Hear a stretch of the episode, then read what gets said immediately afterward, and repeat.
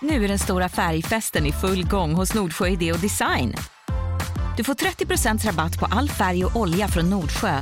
Vad du än har på gång där hemma så hjälper vi dig att förverkliga ditt projekt. Välkommen in till din lokala butik. Nordsjö idé och design. Du lyssnar på en podcast från Expressen. Hej och välkommen till Livshjulet avsnitt 168. Nu är det två veckor sedan vi hördes sist och lyssnar du på den här podden samma dag som den släpps den 3 augusti så har jag en högaktuell gäst att bjuda på. Idag drar nämligen OS igång och veckans gäst det är programledaren Henrik Jonsson och han kommenterar ridsporten för Viasat direkt från Rio de Janeiro. Henrik är gift med vår svenska stjärnhoppryttare Malin Bajard och han har varit med på otaliga tävlingar samtidigt som han är en van programledare. Och just nu sitter Henrik alltså på plats i Rio för att bland annat bedöma sin hustrus insatser i OS. Och med tanke på att jag skulle få barn och Henrik hade en fullspäckad sommar så gjordes den här intervjun redan den 14 juni. Och innan vi drar igång mitt och Henriks samtal så vill jag påminna om min sponsor Viking Line. Du som lyssnar kan ju vinna en härlig kryssning med Viking Line om du går in på vikingline.se livshjulet. Och när du tävlar väljer du mellan en nöjeskryssning eller en familjekryssning. Du och en vän, ni kryssar lyxigt med fartyget Cinderella från Stockholm till Åland om du väljer nöjeskryssningen. Ombord finns Stockholms bästa underhållningsscen, en taxfree-butik fullproppad med mode, dofter och godsaker, fantastiska restauranger och såklart ett ljuvligt spa. Om du hellre vill resa med din familj så är vinsten en familjekryssning till Helsingfors med fartyget Gabriella. Och du har riktigt goda vinstchanser när du går in på vikingline.se livshjulet. Och där berättar du varför du vill vinna en kryssning och det får du göra senast den 17 augusti. Lycka till säger jag. Och vill du följa mig på sociala medier heter jag Anna Hegerstrand på Instagram. Livshjulet har en egen Facebook-sida och jag bloggar på expressen.se Anna Hegerstrand. Mycket info, men nu lyssnar vi på Henrik Jonssons livshjul. Varsågod.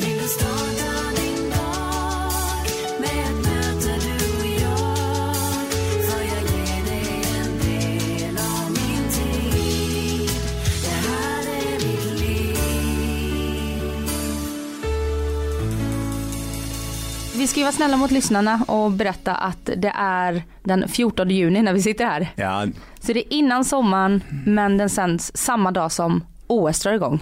ja. Och jag eh, sitter hemma med en bebis. För att den sista dagen jag kan få bebis och bli igångsatt om jag skulle gå över tiden är 2 augusti. Oj, Ja, och du sitter nere i Rio när det här jajamensan. sänds. Men jag ska säga det är fantastiskt mäktigt om du får uppleva när de drar igång det. Eller rätt sagt, det är väldigt mäktigt för den som sitter bredvid och ser på det. Ja, för det är ungefär som att höja och sänka en volymkontroll. De bara ökade någonting som de droppar in i handen på dig. Och så bara drar verkarna igång. Har de fått göra det med era barn, dra igång Malin? Ja, eh, det fick de göra och då var det antingen åker ni hem och kommer tillbaka imorgon eller så drar vi igång det. Och då var det lika bra att dra igång det. Om man är så trött på det då? Ja det är man och så vill man, man vill komma vidare. Nu säger jag man precis som att det är jag men vi ville komma vidare. Ja, och min kille säger så här att "Oj, jag hade bytt med dig alla, gång, alla dagar i veckan så hade jag velat byta med dig och ha graviditeten och föda barnet. Och då säger jag att det är jävligt lätt att sitta och säga nu, Jag håller med dig. för du har varit med. Jag har varit med och det är väldigt lätt att sitta och prata om eh, hur man tror att det är att vara gravid. Jag tror man får ha tillräckligt mycket respekt för att förstå att det enda jag med säkerhet vet är att jag inte har en blekaste aning. Och sen heller inte komma och gnälla efteråt att man känner sig utanför. Åh, ni har så fin relation, utan det är bara till att bida sin tid. Däremot vår andra son första natten så sov han på mig. Det var väldigt nära. Mhm, varför då? För att eh, jag var där och vi hade möjlighet att få övernatta. Och då sov han på mig för att jag ville ha honom nära. Och så kunde Malin sova i lugn och ro. Ja. ja, det var väl uppskattat kan jag tänka. Men jag kommer inte ihåg om det var en hel natt. Det kanske rör sig om några timmar. Man sover ju inte Nej, vuxentid sitt första dygn. nej. Hur mår du idag då? Jag mår alldeles utmärkt. Vi är på väg in i en fantastisk eh, sommar och ljuset gör mig lätt och glad och jag orkar med allting. Och jag försöker konservera små ögonblick och tänka att eh, nu ska jag minnas klockan fyra en tisdag när klockan är fyra en tisdag i november och det bara är kolsvart. Mm. Hur härligt det är att hoppa ur bilen utan att sätta på sig jackan och jogga hit på lätta steg. Du är en sommarpojke med andra ord. Ja, väldigt mycket. Och ljuset blir bara viktigare och viktigare för varje år. Jag tycker mörkret är poänglöst. Det är fint att det visar sin närvaro, det är bra, men det behöver inte göra det så övertydligt. Nej, och inte tio månader om året kanske. Nej, det är hemskt. Varför tror du att det har blivit eh, viktigare och viktigare med ljuset då? Ja, kanske är det för att jag behöver lite hjälp att komma igång. Jag tror inte det har att göra med att jag har blivit eh, svagare i mitt psyke utan det är väl mer att eh, får jag lite hjälp utifrån så lyfts jag av det. Och jag har nog inga problem egentligen heller att anstränga mig när det är mörkt. Det är bara att det är så förbannat tråkigt och lite meningslöst i det att man att jag upplever att människor runt omkring mig också är lite eh, axlarna sjunker ner, man tittar ner fötterna. Alla bra idéer kommer i, i ljuset. Även om jag gillar mörkrets eh, svärta, att i mörker kan man tänka, i mörker får man ro och lugn. Men just nu vill jag ha ljus. Mm. Är du en tänkare? Jag tycker om att tänka, jag tycker om att eh, tänka på hur man tänker och vad man tänker på. Jag är väldigt fascinerad av idén om man kan styra vad man tänker. Jag vet inte om det går, jag vet inte vad jag ska styra det till.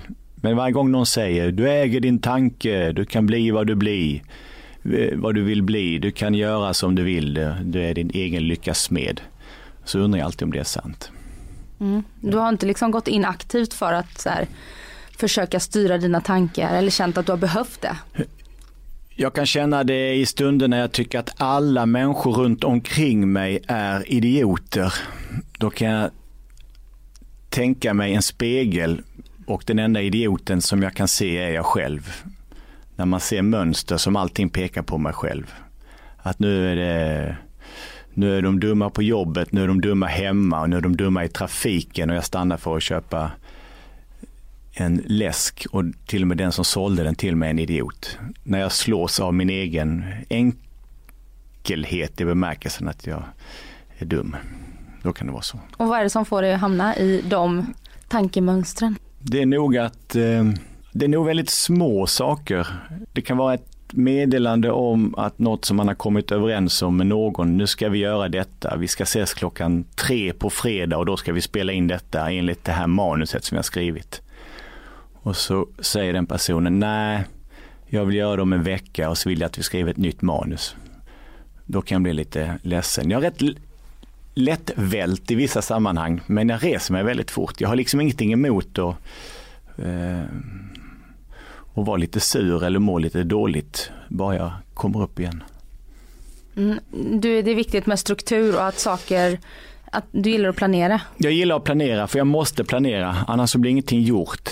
Jag tycker väldigt mycket om att göra egentligen ingenting, även om jag är rätt så dålig på det. Men jag vill gärna veta att om vi säger hemma att eh, ja men då åker vi och köper glass. Då vill jag veta om vi åker och köper glass om en halvtimme eller om en timma eller om det betyder nu. Det blir lättare för mig att tänka i termer av tid. Även om det är lite skönare att vara en funky, easy going som bara gör saker som faller en in. Mm.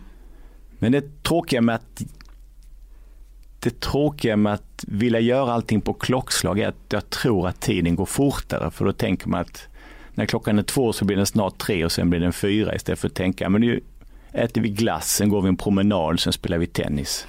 Det är mycket roligare att tänka så. Ja. Men det är också, det vittnar ju om någon sorts form av obalans om man blir helt ställd ifall äh, vi åker och köper glass om en timme. Att man Mm. blir helt eh, uppriven över det då. Ja, nej, bara jag vet tiden så kan jag göra någonting annat. Jag tycker om att stoppa in saker i de här mellanperioderna. Men då har jag en kvart på mig innan eh, kaffet är kokat. Det hinner jag vika tvätten däremellan. Är du tidsfascist också då? Blir jättearg på folk som kommer sent? Nej, jag tror att min omgivning uppfattar mig nog som en eh, tidsoptimist i bemärkelsen att det alltid kommer lite för sent. Det stämmer nog till viss del, medan jag själv uppfattar mig som att jag passar tider som är viktiga. Vilket är väldigt egoistiskt för jag passar tider som är viktiga för mig. Som vid tiden idag så visste jag att eh, ja, nu blev jag fem minuter för sen men det tänkte jag det var okej. Det var inte så viktigt. Jo, det var viktigt, men det, jag visste om att du står inte och fryser någonstans och det finns inget livs... Skulle jag hämta dig för att köra upp dig till, eh, till eh, BB, då skulle jag inte valt den parkeringen som jag gjorde idag, för jag valde att ställa mig på en laglig parkeringsplats.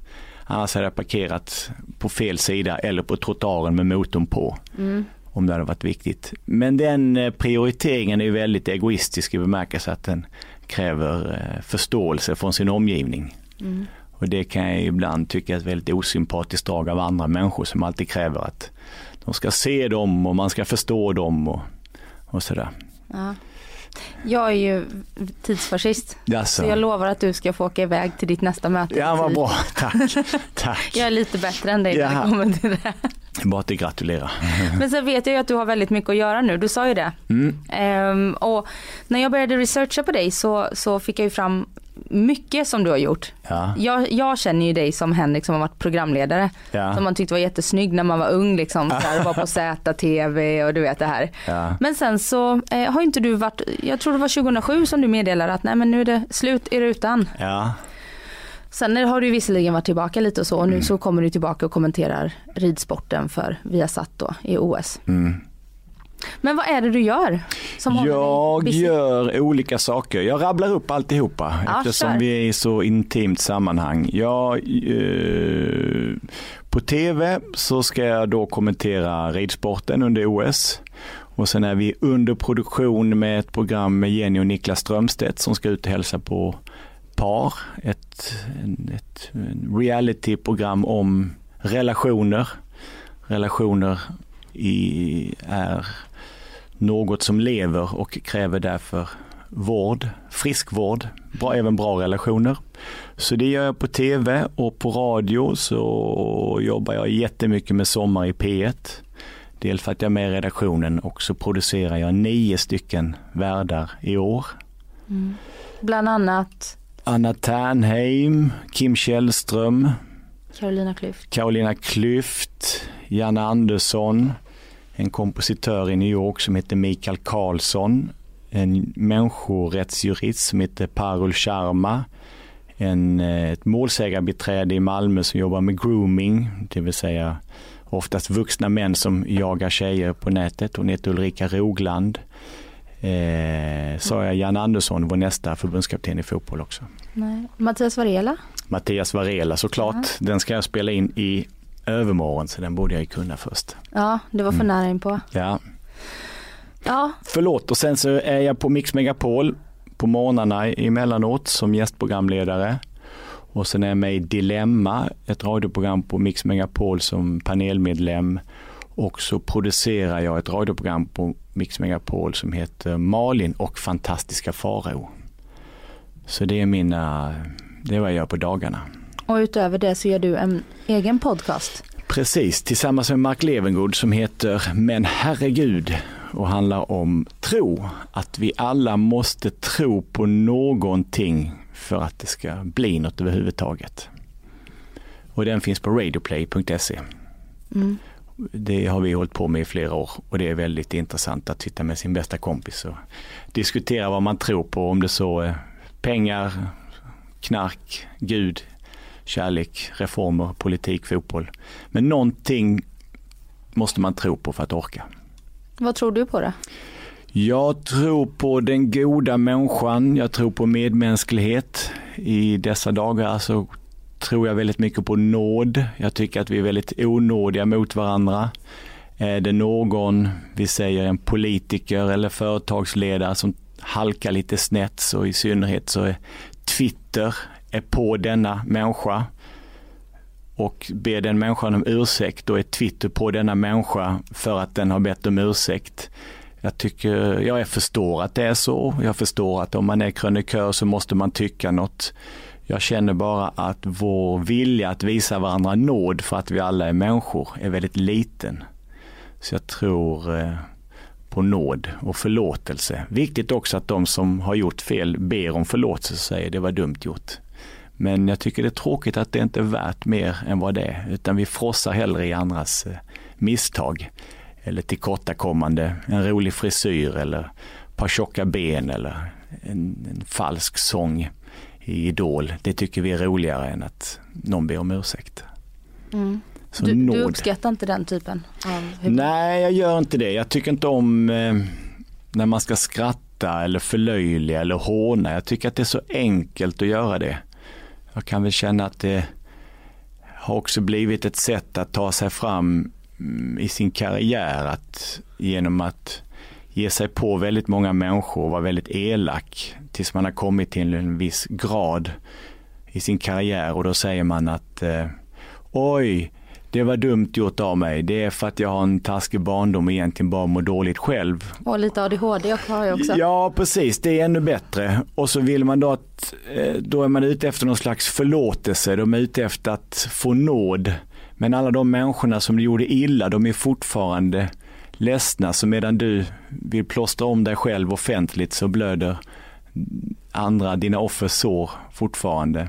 Jag tycker att vi har ett sätt mot varandra att inte vara, att prata om en sak. Vi pratar om medmänsklighet, vi pratar om att nu får det vara nog, vi pratar om att nu räcker det, det är ingen som har gjort någonting. Ehm, men däremot så älskar vi att hetsa. Ehm, när detta spelas in så är det pågående fotbolls-EM. Ehm, och man ska liksom hetsa varandra mot varandra. Jag älskar ju fotboll och jag älskar läktarkulturer. Jag tycker om att gå på idrott. Men jag tycker fortfarande att det, man hetsar varandra för mycket. Ja, supportrarna då eller?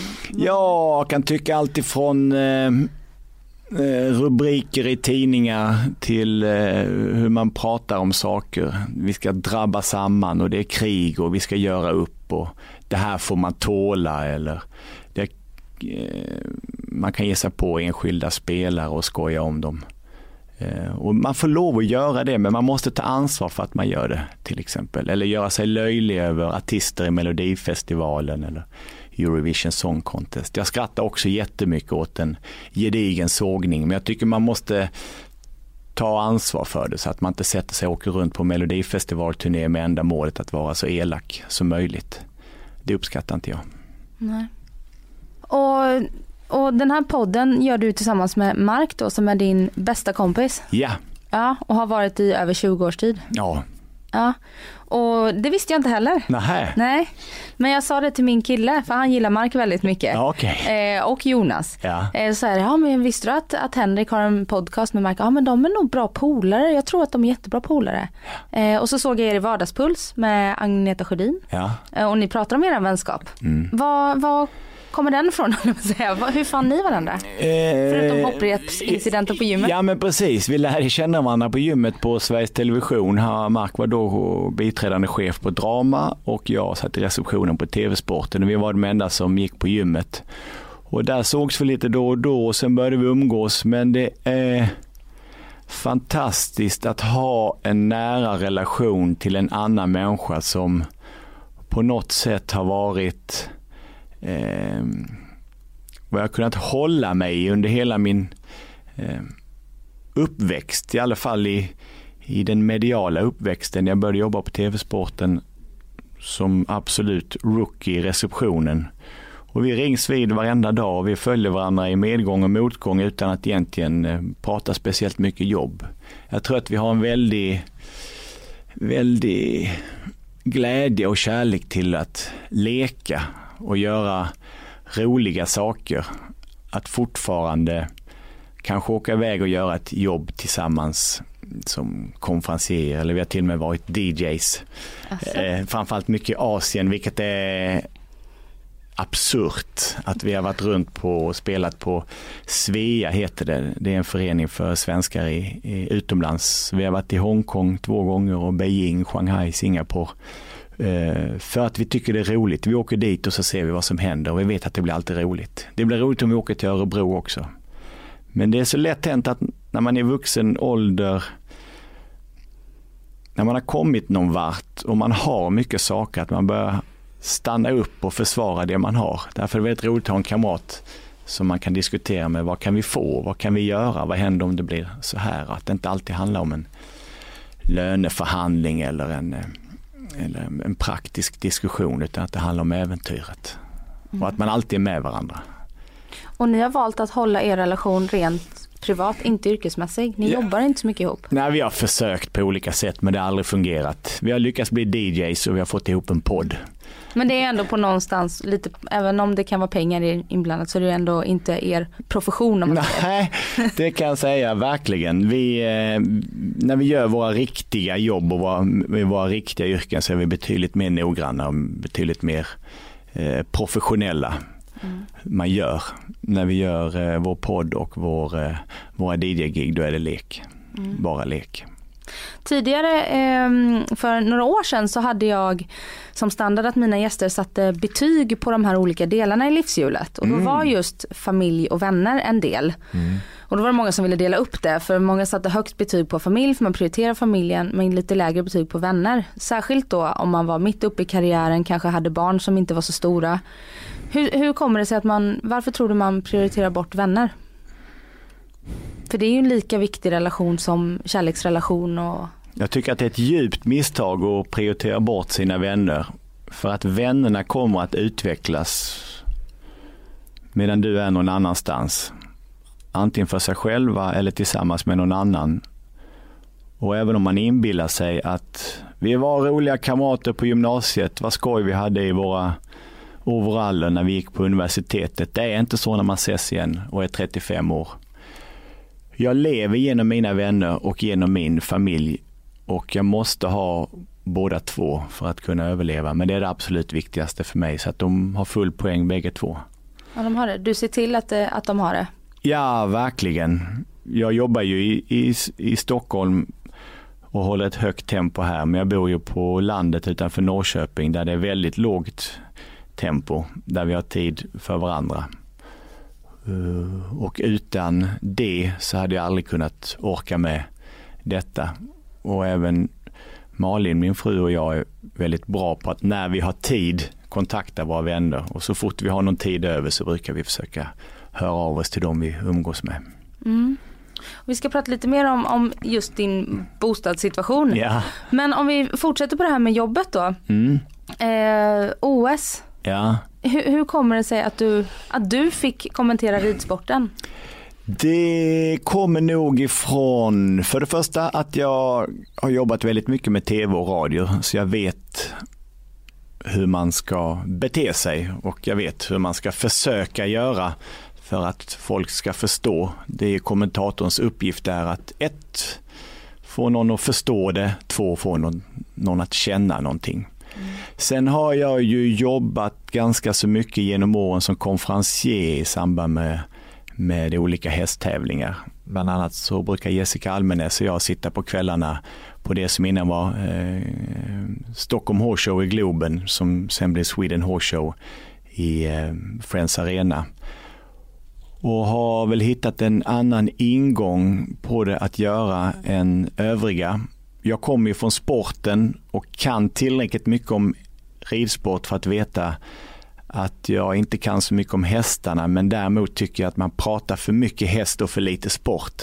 När man tävlar då är det siffror, då gäller det att slå varandra. Och gör du ett misstag så var det dåligt eller det finns en anledning till det. Så svaret på din fråga om varför jag fick jobbet är förhoppningsvis att de tror att jag kan tv och kan förmedla en känsla och att jag har en känsla för ridsporten och hur den är och i bästa fall kunna göra den ny så att man känner extra mycket. Hästar är en väldigt eh, sluten värld. Man pratar ofta med varandra bara. Men hur känns det då att sitta liksom, att säga att Malin då rider som en riktig sopa. Mm. Och sitta liksom och säga att, Ja. för det blir ju känslomässigt för dig också om, om det går dåligt för henne kan jag väl tänka. Ja, absolut. Det är såklart att det kommer att bli. Jag vet ju hur det är när Malin tävlar och jag inte jobbar, att jag blir ju väldigt glad när det går bra. Men jag blir inte speciellt ledsen när det går dåligt. Jag kan bli ledsen när jag ser att hon blir ledsen. Men det känns ingenting ting i mig. När Malin vinner någonting stort så får jag ju tårar i ögonen. Då reagerar jag fysiskt. Min hud blir knottrig. Och jag minns när hon vann eh, världscupdeltävlingen i Göteborg och jag grät. Och det har jag inte gjort på många, många år. Jag gråter väldigt sällan. Eh, Det gör jag bara vid idrott eller vid större musikaliska eh, upplevelser. Så att jag tror att om hon gör något riktigt dåligt så får vi säga att det var dåligt. Varför det var dåligt får min expertkommentator Linda Hed berätta. Jag får nog bara konstatera att vi hade hoppats på lite bättre. Eller så kanske jag vet varför hästen har varit dålig och så vidare. Men det är väldigt svårt att svara på eftersom det inte har hänt. Det enda jag vet är att jag tror att jag kommer att kunna kontrollera och behärska mig, för ingen vet ännu. Men jag är väldigt medveten om att det inte är Malin jag pratar till, utan det är idrottspubliken jag pratar till. Så jag hoppas verkligen att jag kan analysera det som man ska. Mm. Har du fått några negativa reaktioner på att, eh, att du fick jobbet? Att det är för att du är Malin Bajards man? Nej, faktiskt inte. Nu är det ju så med ridsporten att det är ju inte sporten där man går fram till folk och rensar luften Nej. som man till exempel gör i ishockey eller i fotboll. Där man Den är lite fisförnäm va? Ja, fisförnäm är väl kanske i bemärkelsen. Det är ju, det är ju, hästar är ju dyrt så det är väldigt många människor som, som har råd och därigenom finns det många som tycker att de är fina. Däremot är det en väldigt sluten krets. Man är väldigt artig mot varandra. Man säger inte vad var det där för ök eller vad håller du på med? Jag är uppvuxen i handbollen, där hånar man och tackar varandra på skoj och säger att det där skottet hade min farmor kunnat göra bättre. Så fungerar det ju både fotboll och hockey. Där finns det en, en eh, ett sätt att bemöta varandra. Medan i ridningen, i hästsport så finns det en artighet. Man säger att det, det var en trevlig runda och sen så skrattar man gott inombords. Att det där öket som du har lagt dina sista sura besparingar på kommer inte att komma någon vart överhuvudtaget. Då är vi ju tillbaka på det där du pratade om innan. Mm. Det där att håna varandra fast man gör det inombords. Ja men precis. Att lyckas inom ridning innebär att vara duktig på att rida men också att kunna bygga upp en infrastruktur runt om sig så att alla är sin egen vd, sin egen anställde och sin egen manager. Det är så oerhört mycket saker som ska klaffa så att de som har kommit hela vägen fram, de har något väldigt speciellt. Och överallt där det finns många speciella människor, det uppstår väldigt speciella situationer. Men rensa luften och sätta sig och diskutera, det händer inte så ofta. Nej. Och hur ser livet ut på, på Jonstorps gård då, utanför Norrköping? Mm. Det ser väldigt bra ut. Det är vårt egna lilla samhälle. Där lever vi vårt liv tillsammans med eh, Malins svärföräldrar och vi har öppna dörrar till varandra. Framförallt så kan ju barnen gå fram Malins och föräldrar menar du? Ja, vad sa jag? Malins svärföräldrar? Jaha, förlåt. Tänkte ha dina föräldrar också. Nej, de har inte flyttat dit ännu. De kommer nog vara där under OS dock. Men de bor i Lund där du är ifrån. Exakt. Malin jobbar ju hemma på gården så hon är hemma i början på veckorna. Jag försöker vara hemma någon dag i veckan och sitta hemma och jobba. Det är märkligt vad mycket man får gjort när man inte blir störd när det kommer till att skicka mejl och ringa människor, vilket de flesta av oss gör på jobbet. Uh, och så har vi mycket yta så vi kan röra på oss och idrotta väldigt mycket. Det är ett väldigt, eh, ett väldigt bra liv på Jonstorpsgården. Det är Mm. väldigt bra. Och, och hur länge sedan är det du flyttade dit från Stockholm? Det är alltid lite längre sedan än vad jag kommer ihåg. Men vi har varit gifta i 12 år så jag tror att det är 13 år jag har bott där. Och hur var, då hade du bott ett tag i Stockholm. Ja, Hur var det då att flytta ut på landet? det var spännande i bemärkelsen att jag har aldrig i hela mitt liv trott att jag någonsin skulle hamna på landet. Jag har aldrig tänkt tanken. För du är uppvuxen inne i Lund eller? är i radhusområde precis utanför. Ja. Man cyklar in till stan och tillbaka. Så mitt stora mål var att flytta till Stockholm, bo i lägenhet, leva life och maxa allting som bara går, helst hela tiden. Och jag bodde tio år på Östermalm och sen flyttade jag till Södermalm och bodde på Nytorget när det exploderade. Några veckor innan det började kallas för SOFO, som nu har blivit en, en allmän benämning och därifrån till en hästgård där det är så tyst ibland när man hoppar ur bilen så att tystnaden trycker på öronen. Men det är väldigt behagligt. Så det var en stor skillnad. Men jag har ju kvar Stockholm. Det är här mitt sociala liv är. Jag har ju inga kompisar i Norrköping förutom två stycken. En som är min granne och en annan som jag kände när jag flyttade dit. Om du har kvar en övernattningslägenhet här då? Nej, det har jag inte. Jag har haft, men jag har precis släppt den så nu ska jag komma på ett nytt sätt att bo över. Det har blivit många hotellnätter annars. Det blir många hotellnätter och jag vill inte bo för mycket i Stockholm. Jag vill inte inrätta ett liv här med kvällsrutiner och sådär. Utan när jag är här på kvällarna så jobbar jag sent och så går jag ut och äter med någon. Och jag vill heller inte gå ut och äta varje kväll för då blir man, då blir man tjock och trött. Var, äh, var det några omställningsbesvär då när du skulle flytta ut på landet? Hur påverkade det er? För hon är väl uppvuxen? Ja, och På en ja, gård? ja, Malin är uppvuxen på en gård. Ja, det var ju så tydliga förutsättningar från början så att för mig har det väl mer handlat om att försöka hitta ett sätt att forma ett liv som passar att bo 18 mil ifrån där jag egentligen borde befinna mig sett till vad det är för yrke jag har valt. Så jag har provat lite olika jobb och testat mig fram. Hade till och med under två år ett riktigt jobb när jag jobbade på hotellkedjan Scandic. Ja, och det var bara för att prova att ha ett riktigt jobb och skulle se om, om det gick. Och det var väldigt roliga år. strategiska partnerskap jobbade du med där? Ja, verkligen. Imponerande att du kunde det. Ja, nej men det känns som så långt bort ifrån liksom. Ja, det var, ja, det var ett äventyr som började med att allting var så vanvettigt nytt. Jag kunde ingenting om Excel, jag visste ingenting om, om eh, löner. Eller jag blev, kommer ihåg, jag var så oerhört förvånad när jag fick lönebeskedet och man fick mer betalt på semestern än när man jobbade. Och jag kommer från en annan värld där man gör ett jobb, ett handslag, skickar en faktura. Det var så många sådana saker som var nya, så äventyret var roligt och eh, de jag jobbade närmst mig var fantastiska, som jag har kontakt med fortfarande. Så det var en rolig tid och det var bra att den tog slut i tid, så jag kunde hoppa tillbaka. Men den stora omställningen från gården, eller från att bo till stan till gården, den tror jag pågår fortfarande. För jag liksom inför varje säsong får jag försöka hitta ett nytt sätt att, att förhålla mig till. Vad ska jag jobba med i år? Och hur kommer det att passa? Vad funkar? Vad vill jag göra? Vad får jag göra? Vad vill de ha mig till? Att eh, det blir att uppfinna. Jag har ingen aning om vad jag gör efter OS till exempel. Nej, Jag har några konferenser bokat, i övrigt inget. nej.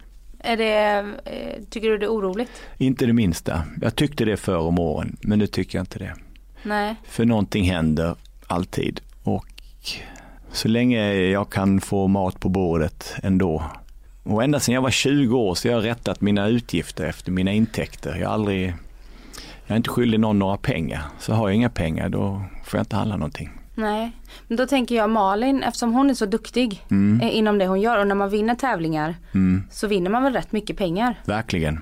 Vinner hon OS nu så, eh, Så vinner hon inga pengar alls faktiskt. Men hon däremot så får hon, om hon vinner OS så kommer hon få åka på stora tävlingar. Då Ja. vill alla att hon ska komma. Där kan hon vinna mycket pengar. ja. Och då tänker jag ju då, för jag är ju också frilans, jobbar Ja. som, inte inom tv-branschen eller sådär, men jag tänker, jag vet ungefär vad det rör sig om. Mm. Ehm, och då tänker jag att hon är den som står för den trygga liksom inkomsten, basinkomsten. Mm. Känns, eh, känns det bra eller har du haft problem med det? Eh, nej, det har jag absolut inga Otroligt problem omodern fråga. Nej, absolut inte. Nej, det har jag absolut inga problem med. Hon tjänar mer pengar än vad jag gör. Men vi gör nog av med eh, jag gör nog av med lite mer pengar än vad hon gör. Vad hon har massa hästar och grejer. Ja, men det är ju hennes yrke. Man kan ju inte räkna med hur mycket programmen som jag producerar kostar att göra. Nej. Det är klart att det kostar att flyga en häst till Tyskland. Och det är likadant, vinner hon några hundratusen så hamnar inte de i, i en cigarrlåda där hemma utan de går in i ett företag som ska flyga hästar till någon annanstans i världen helgen därpå. Men vi har tillräckligt gott om pengar för att de inte ska vara värda att eh, räkna eller ha ont i magen för att de ska försvinna. Vi har det väldigt bra. Mm. Så pengar är ingen drivkraft för dig i ditt arbete? Nej, det är det inte. Jag vill kunna göra vad jag vill. Men det skulle vara intressant att få ett riktigt stort erbjudande som handlar om, om pengar som skulle behöva förändra mitt liv.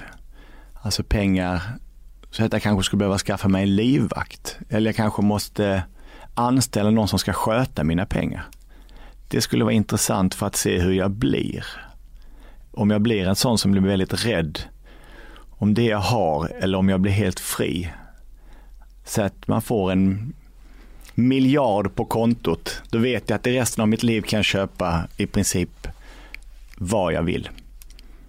Kommer jag bli en sån som gör det då eller kommer jag vara exakt som jag är? Man vill ju låtsas att man är en sån som man alltid har varit, men å andra sidan det vore ju jävligt tråkigt om man inte förändrades lite av det. Ja, alltså pengar gör ju också saker med människor. Ja, absolut. Och det är ju intressant att människor kan gå från att vara en duktig filmklippare till en stressad miljonär som vann på tipset. Det sätter ju en identitet på människor.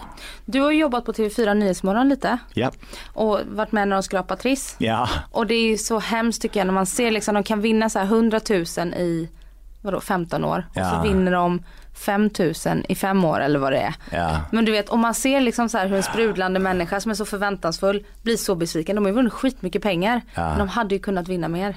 Ja, och det är ju det intressanta, för det är exakt det som vi diskuterar. Det är ju i vilken relation man sätter pengar till. Tror du att du ska få väldigt mycket pengar och inte får det så blir du besviken. Men hittar du en hundralapp på gatan så blir du väldigt glad. Och det är därför som det här trissmomentet är så vackert.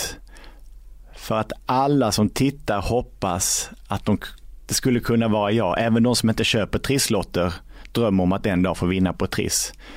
Och man kommer upp till Stockholm eller ner beroende på var man bor och får bo på hotell dagen innan och sen nästa dag. Så att det är en sån lång väg att komma dit. Men jag var, jag vet att när, när jag varit redaktör för, för Nyhetsmorgon och man flyttar det här tristdragna så blir folk helt galna för att det, de har sina egna tittare. Men jag var programledare en gång för Nyhetsmorgon. Då var det en, en äldre kvinna, hon var över 90 och drömde om att få köpa en kolonilott och hade frågat banken om hon fick låna pengar, men det fick hon inte. Men hon skrapade fram i alla fall, om det var 50 000 i månaden i, i tio år. Men det var tillräckligt för att jag kunde säga till tant, nu kan du be banken go fuck themselves och köpa vilken kolonilott du ville. Det var väldigt fint, för där blev hon fri. Ja. Där fick hon en, en eh, dröm uppfylld. Hon blev fri och hennes barn blev också fri. De jublade säkert också. Jag har ingen aning vad de tog vägen. Viktigt att komma ihåg att det finns ännu ingen undersökning som visar att människor sett på ett längre perspektiv blir lyckliga av att vinna pengar. Utan människor som blir lyckliga är de som har överlevt livshotande sjukdomar. Inga jämförelser i övrigt, men jag tror att drömmen om att få väldigt mycket pengar är nog vackrare än att det faktiskt landar en, en säck i knät med 10 miljoner. Och på tal om livshotande sjukdomar och sådär, Mm. vilka är dina rädslor i livet? att ska hända mina barn någonting. Det är en oro som jag har. Jag har aldrig varit orolig för någonting men det märker jag, det gnager i mig. Jag tänker på dem väldigt mycket. Att jag inte klarar av att skydda dem. Hur gamla är de idag? 11 och 6 år. Alltså det finns ju en oro men det finns också en oro kopplad till att tiden går och varje tid har, har, har, sina, har sina svarta stunder att människor som man känner dör. Nu är det väldigt många människor som, som eh, äldre människor som jag kände eller känner som har dött och sen så kommer det väl en tid när kompisar försvinner och kompisar som man har blir sjuka och, och sådär. Men det är en väldigt eh, trist tanke att tänka på för att jag vet att det kommer att hända.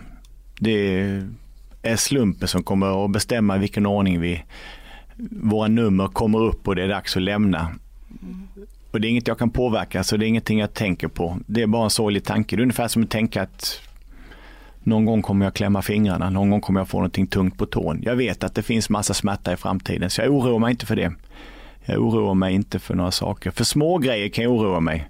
Kommer, kommer planet att lyfta vid den tiden som jag bestämt, kommer jag hinna dit, kommer jag göra det. Men det här, försvinner den oron. Icke-existentiella frågor. Verkligen, bara praktiska saker. Ja. Vi ska ha släktträff snart som jag håller i.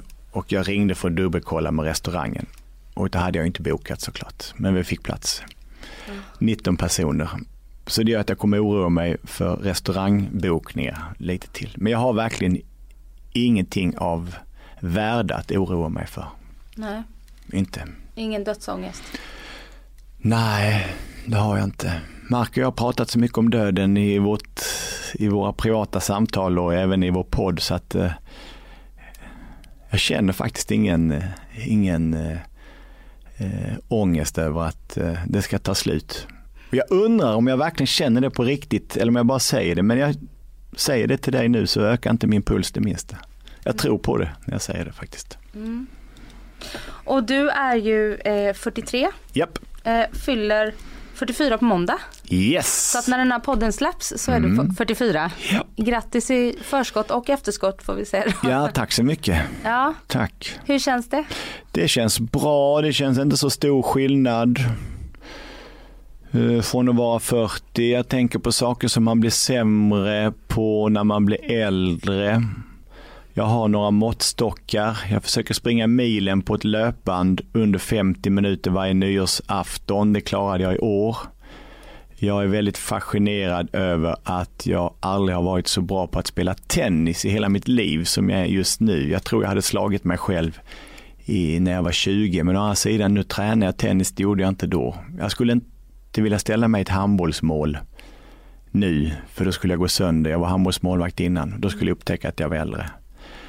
Och de där spagaterna som handbollsmålvakt. Exakt, det tror jag bara skulle se ut som någon slags dödsryckning om jag skulle försöka få upp eh, benen. Det är intressant när man arbetar med yngre människor att de har andra referenser. Jag jobbar med en tjej som inte visste vem fotbollsspelaren Stefan Schwarz var överhuvudtaget. Då känner jag mig som snart 44 väldigt mycket. Men jag gillar att vara mellan 40 och 50. Det känns som att vara i någon slags eh, evig eh, vuxenhet. Jag kan göra vad jag vill. Inte för att jag kan det, men jag tror att jag kan det.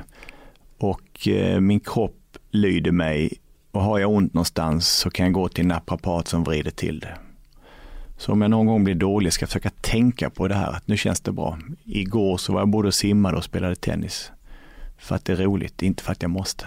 Så att jag har ingen åldersångest. Och när folk, jag försöker hela att med, inte nämna eh, min ålder. Jag tycker det är tråkigt när de som är yngre än mig själv säger att de är gubbar eller tanter. I synnerhet eh, jämnåriga som nyskilda kvinnor i synnerhet som börjar kalla sig för tanter. Nu ska tanten ut ikväll och sådär. Det kallar jag mig för ibland. Ja. Jag är 33 men det menar jag tycker att Frans som vann Melodifestivalen är ganska het. Ja. Då tycker tant att Frans är het för han är ju 17. ja, men våga möta honom som en kvinna. Ja, Frans, du är ung, du är het, här står jag. Jag fattar att eh, vi inte kommer att fråga chans på varandra. Men jag är 33, jag vet precis vad jag vill ha. Jag tänker inte komma och ta dig, det ska du vara glad för. om tio år däremot. Om tio år så biter jag dig i halsen. ja, man ska akta, man blir gammal om man säger att man är gammal. Och jag vill inte bli gammal i den bemärkelsen att jag ska börja räkna in vad jag har gjort och vad jag har fått och vad jag har tagit, lånat och skällt. Utan jag vill hellre fortsätta se vad som kan komma i min väg. Mm. Och just nu så är du ju liksom aktiv både inom tv, radio, podd. Mm.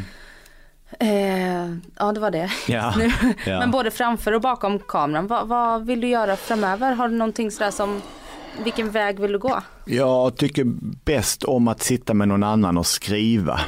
Jag gillar det slutna forumet. Det är därför jag är så väldigt förtjust i att göra Sommar i P1. För att då sitter man med en människa väldigt mycket. Jag vet eh, till exempel, jag hade kontakt med Anja Persson häromdagen och vi har ju, väldigt, har ju väldigt, kommit väldigt nära varandra. Likadant med, med de programmen som jag gjort med den typen av program med Henrik Larsson och Markus Näslund och Maja Ivarsson för den delen också. Sofia Elin, skådespelerskan. Vi, um, det tycker jag väldigt om. Jag gillar processer. Vi bestämmer oss för någonting och så gör vi det så bra vi kan. Och är man bara två stycken och det inte handlar om, om pengar eller om tid eller om någon chef ska komma och tycka någonting. Om man är helt fri och är två stycken då kan man gå och göra sitt bästa. Och när man har gjort det då känns det som att jag bryr mig verkligen inte om vad, vad lyssnarna kommer att säga. För jag är så säker på att vi gjorde vad vi kunde och vad vi trodde på. Det blir viktigare med åren. Däremot är det väldigt konstigt att jag inte gör det mer därför. Det är väldigt uttömmande och det är väldigt jobbigt. Men det borde jag göra ännu mer. Men det är nog därför som jag gör så många sommar i P1. För att det, jobbet är fint. Det är rätt ovanligt i branschen att trivas så bra bakom någon annan. Mm. Du har ju varit framför kameran så mycket och nu så säger du att nej men jag har ingen behov av att liksom synas. Utan eh, jag vill bara göra mitt, jag vill bara göra det här jobbet. Många andra gör jobbet för att synas. Ja, jag har funderat väldigt mycket på det där och det är lätt hänt att man börjar kokettera och säga att ah, men jag vill inte synas, jag vill inte vara känd. Och jag vill heller inte bli någon sån som, som fotomodell som säger att skönheten sitter på insidan. Det är så lätt att snacka. Mitt liv skulle inte förändras av att jag är framför kameran på tv, kanske annat än att människor på stan, barn i synnerhet, skulle känna igen mig igen. Men jag har redan jag har gjort barnprogram, jag har jobbat med söndagsunderhållning och blivit igenkänd och det ger mig liksom ingenting i det. Däremot vill jag vara i branschen någon som man känner till så att när jag ringer eller mejlar så får jag svar. Eh, det är väldigt bra för då har man handlingsfrihet. Då fastnar jag inte i att ah, hade vi bara haft de här gästerna så hade det här kunnat bli bra. Eller hur får man tag på den här personen? Det är typen av förtroendet. Men jag känner inte att jag lever för att jag syns. Jag känner att jag lever när jag får någonting sagt och gjort. Men å andra sidan så skulle jag inte, tror jag, som producent jobba med någon programledare som jag känner är sämre än vad jag själv är. Om jag skulle behöva vara barnvakt eller gulla med någon eller dutteliduttelidutt. Då ska det vara någon som är erkänt usel och vi ska se om det går att göra någonting av det överhuvudtaget. Jag vet inte vem det skulle vara, men då finns ett experiment i det. Men att bli någon annans eh, dadda eh, och sitta i kontrollrummet som man gör i, i tv och svära över hur dålig den är. Jag jobbar mycket med Jenny Strömstedt till exempel. Där behöver du inte svära över hur dålig hon är. Nej, jag tycker hon är väldigt bra. Hon har kvaliteter som inte jag har och därför är det roligt. Hon blir ju ett instrument på så sätt. Hon är både smart, rolig och kan ibland släppa över kontrollen till mig och då händer någonting som vi inte kunde räkna ut. Det tycker jag väldigt mycket om. Och skulle jag bli programledare igen skulle jag nog vara snällare mot den som är min producent. Men jag kan inte komma på några program sådär som jag skulle vilja leda. Jag gjorde Lingo som är en, en tämligen en eh, petitess i tv-sammanhang. Men det är en ordlek som är vanvettigt rolig. Det går inte att sluta titta på. Det tyckte jag var väldigt roligt. Eh, eller skulle, jag vet inte vad det skulle vara. Men jag tror man har en liten fördel som kille, eller åtminstone så hade man det förr i tiden, för man, man blir liksom inte mm, eh, bäst före, bäst före datumet är lite längre fram. Mm. Nu tycker jag att det har blivit mycket bättre med att vi har äldre kvinnor på tv. För 15 år sedan så var det inte det. Då var det Ingela Agard och massa 25-åringar. Nej, Men nu tycker jag om du tittar på till exempel TV4. Där Jättebra. är ju alla runt 40. Jättebra. Sen är inte det jättegammalt heller. Nej. Säger jag som är Nej. Jo men titta vi har ju tv-drottningar i en Ja. annan, Malou von Sivers. Ja, absolut. Och nyhetsuppläsare och SVT har ju, har ju sina. En fråga på tal om det här med kändisskap. Du har ju Mm. haft båda dina äktenskap har ju varit så kallade kändisäktenskap. Först med Alice Ba, Mm. eh, Kunke heter hon nu, Ja. eh, och sen så med Malin då. Mm. Eh, det är ingenting som har, har besvärat dig? Nej, det har det inte gjort. Det enda är väl i början när man blir ihop med någon, men det lyckades vi bra med Malin och jag. Det är ju när någonting är på väg att bli någonting och man inte själv vet vad ska det här ta vägen? Om då någon annan börjar yttra sig eller tycka så är det risk för att de förstör. Om jag inte vet vad en, vad Malin tycker om mig och jag inte vet hur jag ska tolka det. Det är ju sånt rus. Om man helt plötsligt då ska dela det med människor så är risk för att det bara går sönder.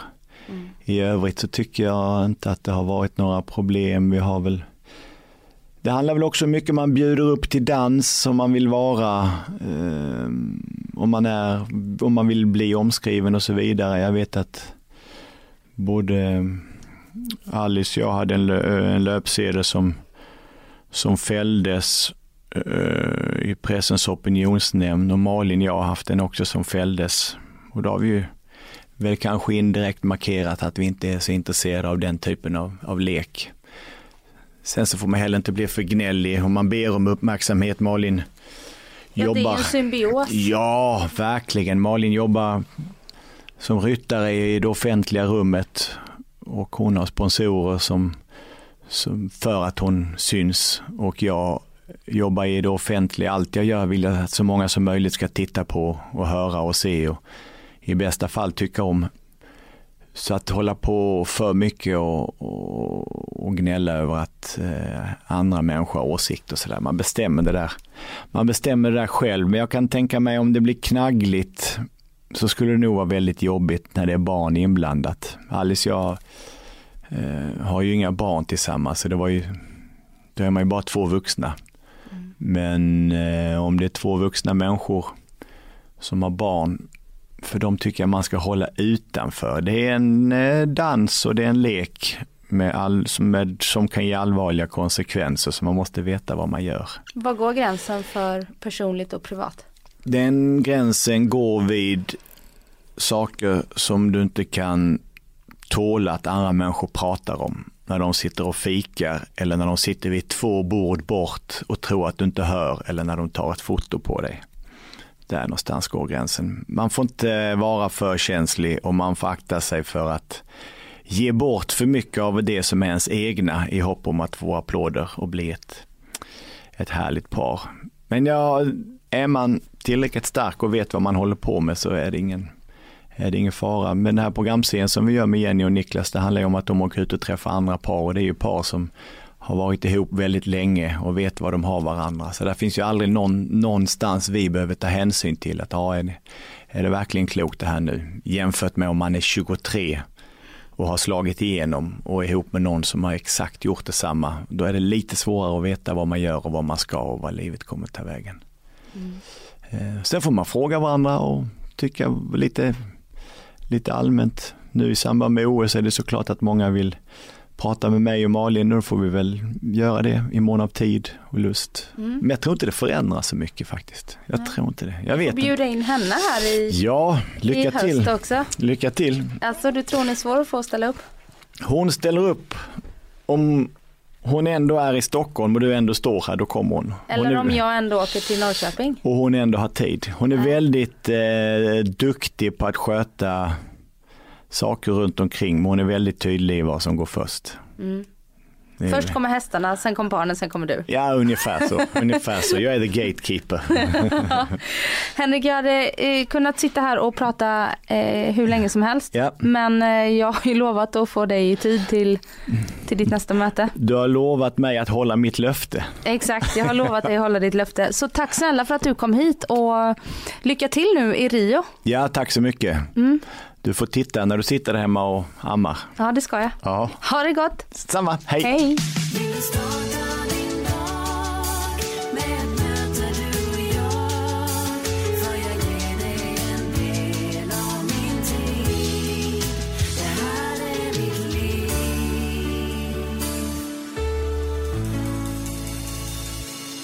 Du har lyssnat på en podcast från Expressen.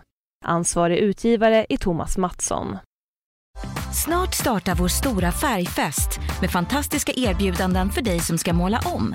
Kom in så förverkligar vi ditt projekt på Nordsjö Idé och Design.